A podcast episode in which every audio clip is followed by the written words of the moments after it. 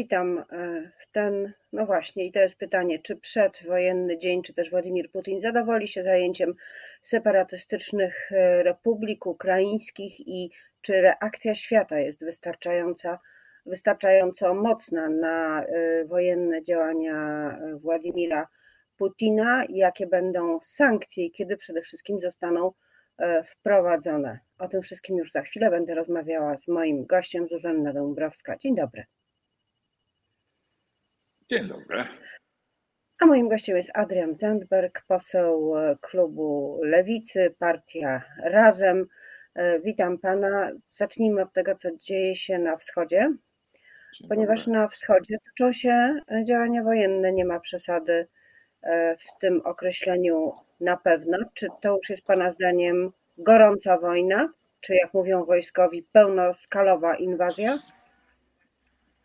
To jest agresja to jest agresja, naruszenie prawa międzynarodowego e, i to jest e, mm, tak naprawdę duże zagrożenie dla trwałości porządku i bezpieczeństwa w Europie.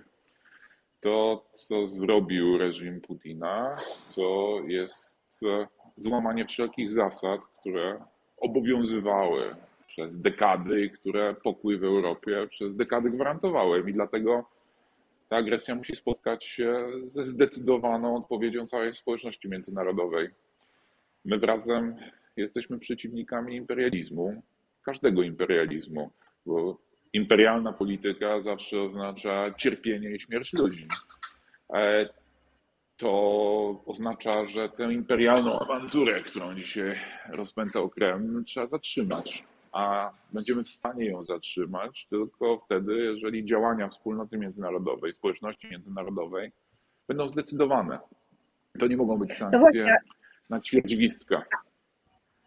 Ale to, że musimy reagować, że wspólnota międzynarodowa musi reagować, NATO, e, Unia Europejska, ONZ, to wszyscy wiedzą. Jakby Pan ocenił reakcję e, wszystkich tych instytucji, społeczności do tej pory, nie wiem, czy przyjmiemy skalę od 1 do 10, mówi Pan, trzeba reagować zdecydowanie. Wszyscy to mówią od dwóch tygodni. Trzeba reagować bardziej zdecydowanie. To, to dokładnie powiedziałem. E, kluczowa sprawa, moim zdaniem, to jest e, pełne odcięcie rosyjskiej elity pieniądza od majątków i aktywów, które znajdują się w demokratycznym świecie to znaczy zablokowanie, to znaczy zajęcie majątków. To znaczy to, że majątki oligarchów rosyjskich i majątki rosyjskiej elity politycznej, które znajdują się w Europie, powinny zostać zajęte. To oznacza, że akcje przedsiębiorstw, które należą do rosyjskiego kapitału, do rosyjskich oligarchów i działają na terenie Unii Europejskiej, powinny zostać zajęte. To oznacza, że rosyjskie banki i rosyjskie fundusze kapitałowe ze szczególnym uwzględnieniem rosyjskiego funduszu suwerennego powinny zostać w pełni odcięte od możliwości operowania w gospodarce Unii Europejskiej. My mamy niestety e, kilka krajów w Europie, które zaangażowały się w takie wspólne platformy inwestycyjne z rosyjskim funduszem suwerennym. To powinno zostać natychmiast zablokowane.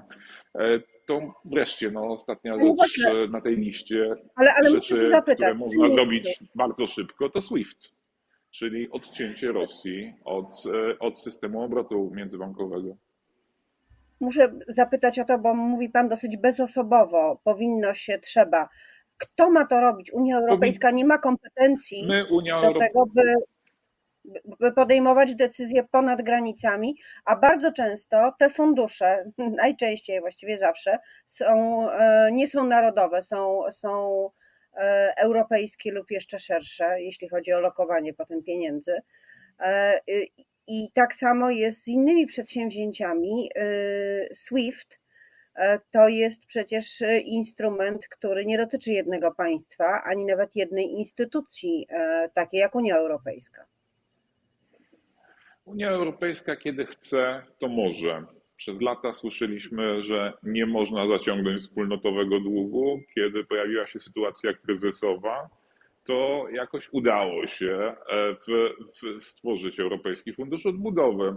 to jest kwestia woli politycznej. Unia Europejska ma potencjał ekonomiczny jako obszar gospodarczy, żeby realnie, skutecznie wysłać Rosjanom sygnał, że nie będzie zgody na imperialne awantury. To jest tylko i wyłącznie pytanie o wolę polityczną.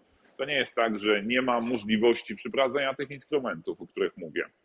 To w, w najgorszym razie może to zrobić oczywiście także grupa, część krajów e, należących do Unii Europejskiej, ale moim zdaniem kluczowe jest tutaj to, żeby takie sankcje zostały przeprowadzone solidarnie. I druga sprawa, która się z tym wiąże, bo sankcje oznaczają koszty dla Rosji, ale one będą też e, oznaczały mm, e, uderzenie rykoszetem dla części państw należących do Unii Europejskiej. Potrzebujemy w ramach Unii Europejskiej funduszu pomocowego dla tych krajów, które będą wyeksponowane na konsekwencje sankcji, po to, żeby utrzymać tę europejską solidarność, po to, żeby nikt się nie wyłamał, po to, żeby ta odpowiedź była równie jednoznaczna, co konsekwentna.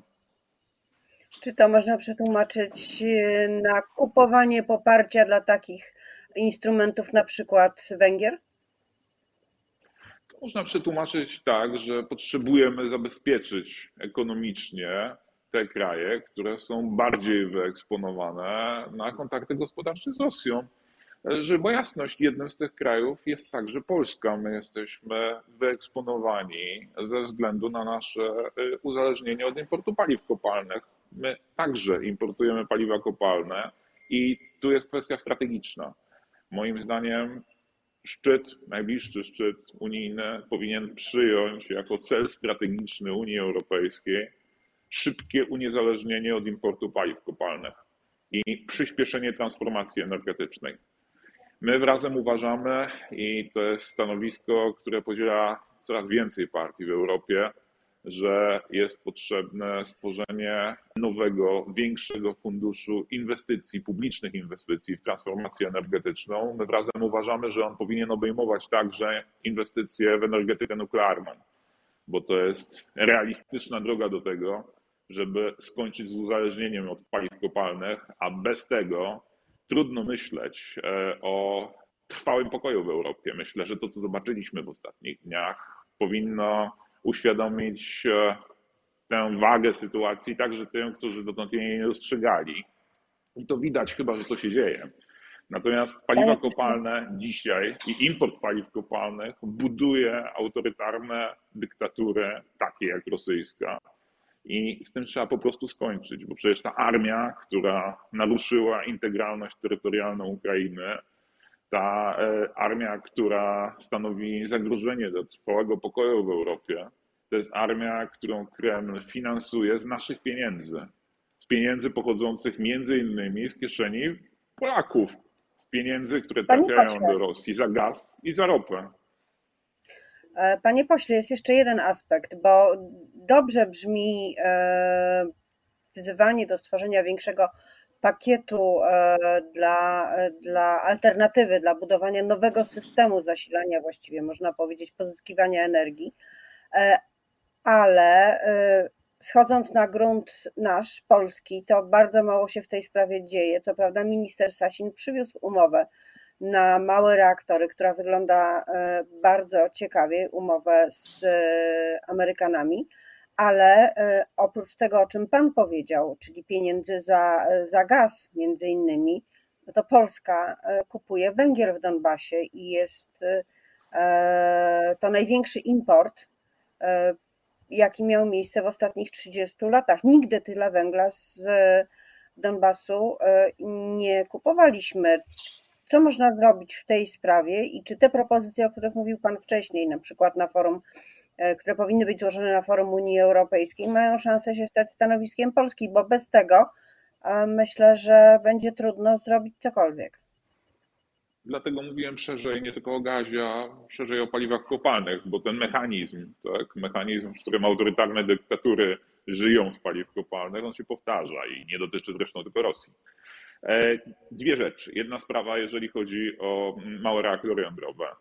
To moim zdaniem jest e, trafna decyzja, żeby rozmawiać z amerykańskimi, no trzeba nazwać otwarcie startupami, tak? bo to, to tym momencie jest jeszcze technologia raczkująca, ale równolegle my potrzebujemy dużego atomu, żeby zapewnić stabilność systemu energetycznego.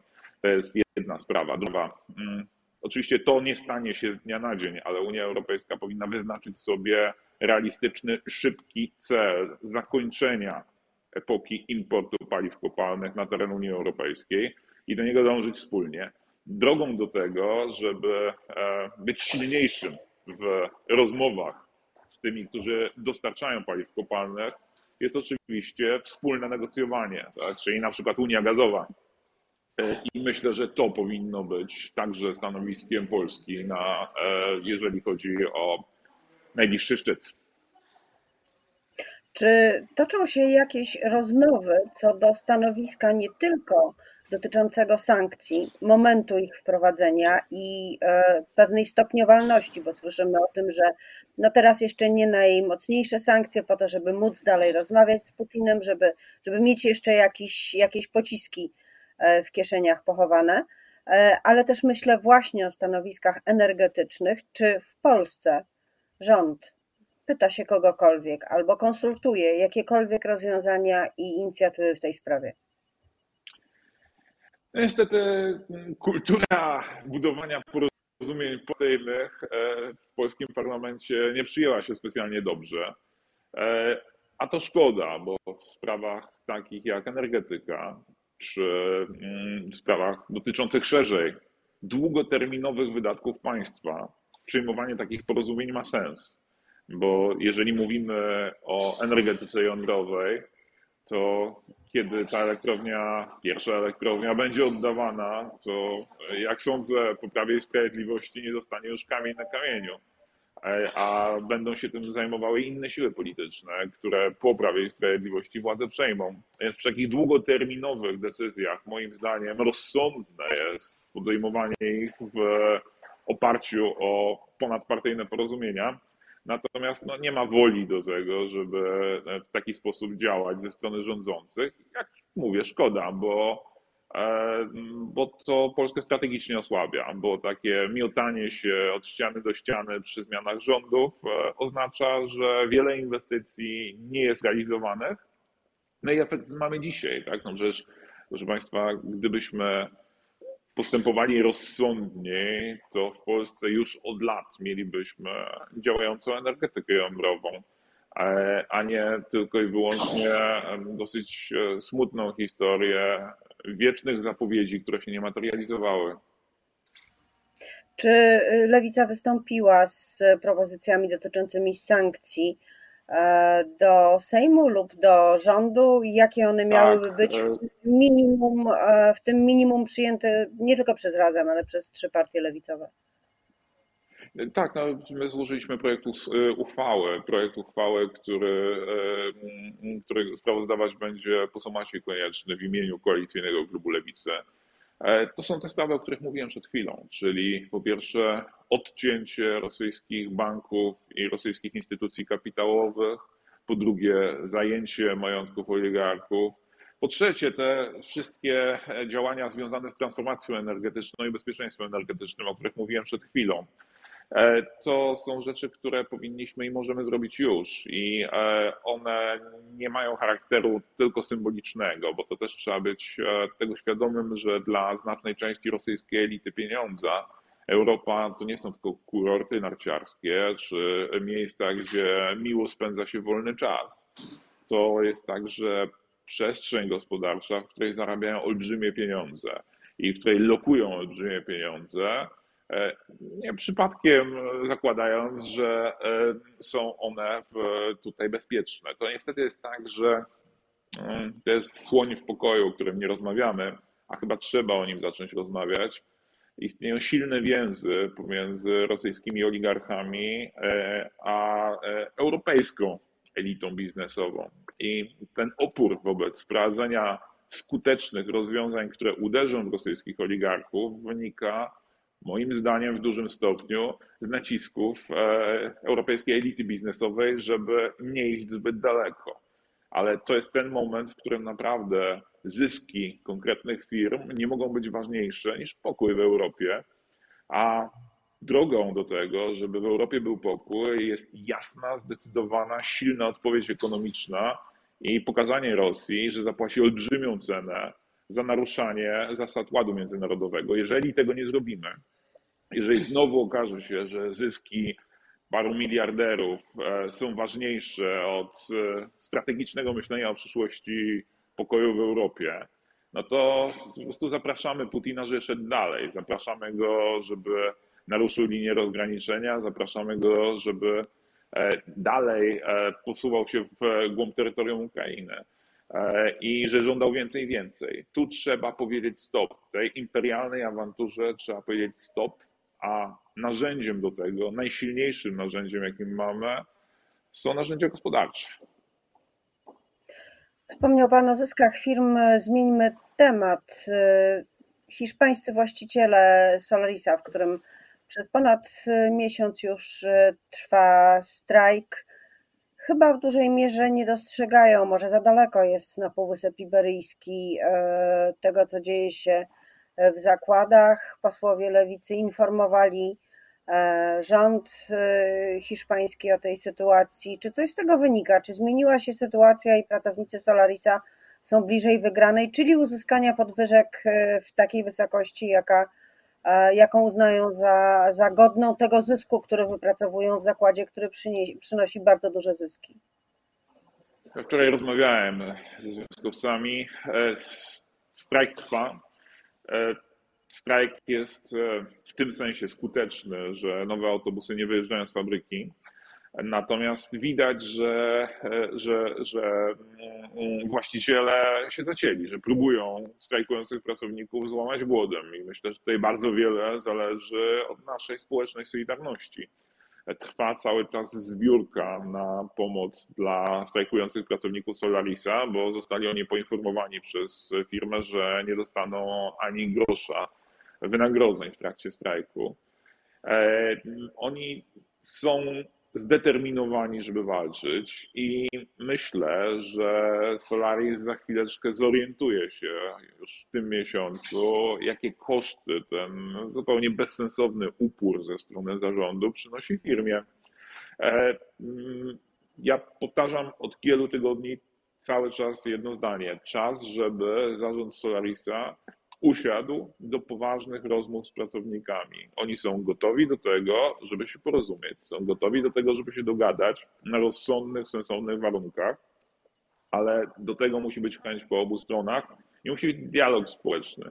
A niestety to, co widzimy w Solarisie w ostatnich tygodniach, to jest międzynarodowa korporacja, która e, zdaje się nie rozumieć pojęcia dialog społeczny. Ja mam porównanie. A miał być ten dialog. Bo, parę, miesięcy te, parę, parę, miesięcy temu, e, kiedy wybuchł strajk w firmie Parok, to tam udało się usiąść do rozmów. Tam między innymi z naszym udziałem e, te rozmowy się odbywało i udało się szybko wypracować porozumienie, ale to wynikało z jednej sprawy, to znaczy z tego, że tam po stronie pracodawców była chęć do tego, żeby rozmawiać, a nie było jakiegoś takiego obrażenia się i próby, próby łamania e, pracowników siłą. Myślę, że ta strategia władzom Solarisa się po prostu nie opłaca i najwyższy czas, żeby z niej zrezygnowały.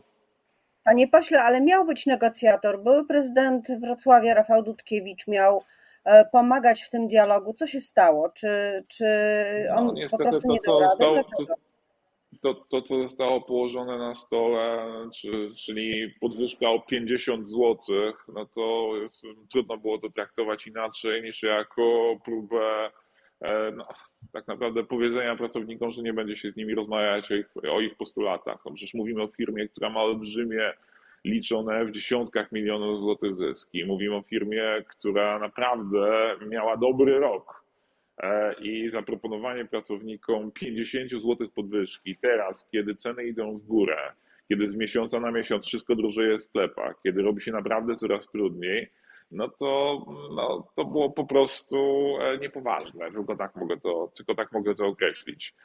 I powtórzę raz jeszcze, niech e, w tej sprawie, w tej sprawie warto, żebyśmy pokazali pracownikom Solaris naszą solidarność. Trwa cały czas zbiórka. Udało się już zebrać bardzo pokaźną kwotę żeby pomóc tym rodzinom, które są w gorszej sytuacji, żeby zebrać pieniądze na pomoc dla strajkującej załogi, ale potrzeba tych środków więcej. Zachęcam wszystkich Państwa do tego, żeby dołożyć swoją cegiełkę w tej słusznej sprawie. I na tym apelu zakończymy rozmowę. Widzę, że Sejm pomału budzi się e, do życia. Posłowie coraz częściej chodzą korytarzem. No więc e, życzę w takim razie miłej sejmowej pracy i dziękuję za rozmowę. Moim gościem był Dziękuję poseł. Adrian Razem. Dziękuję.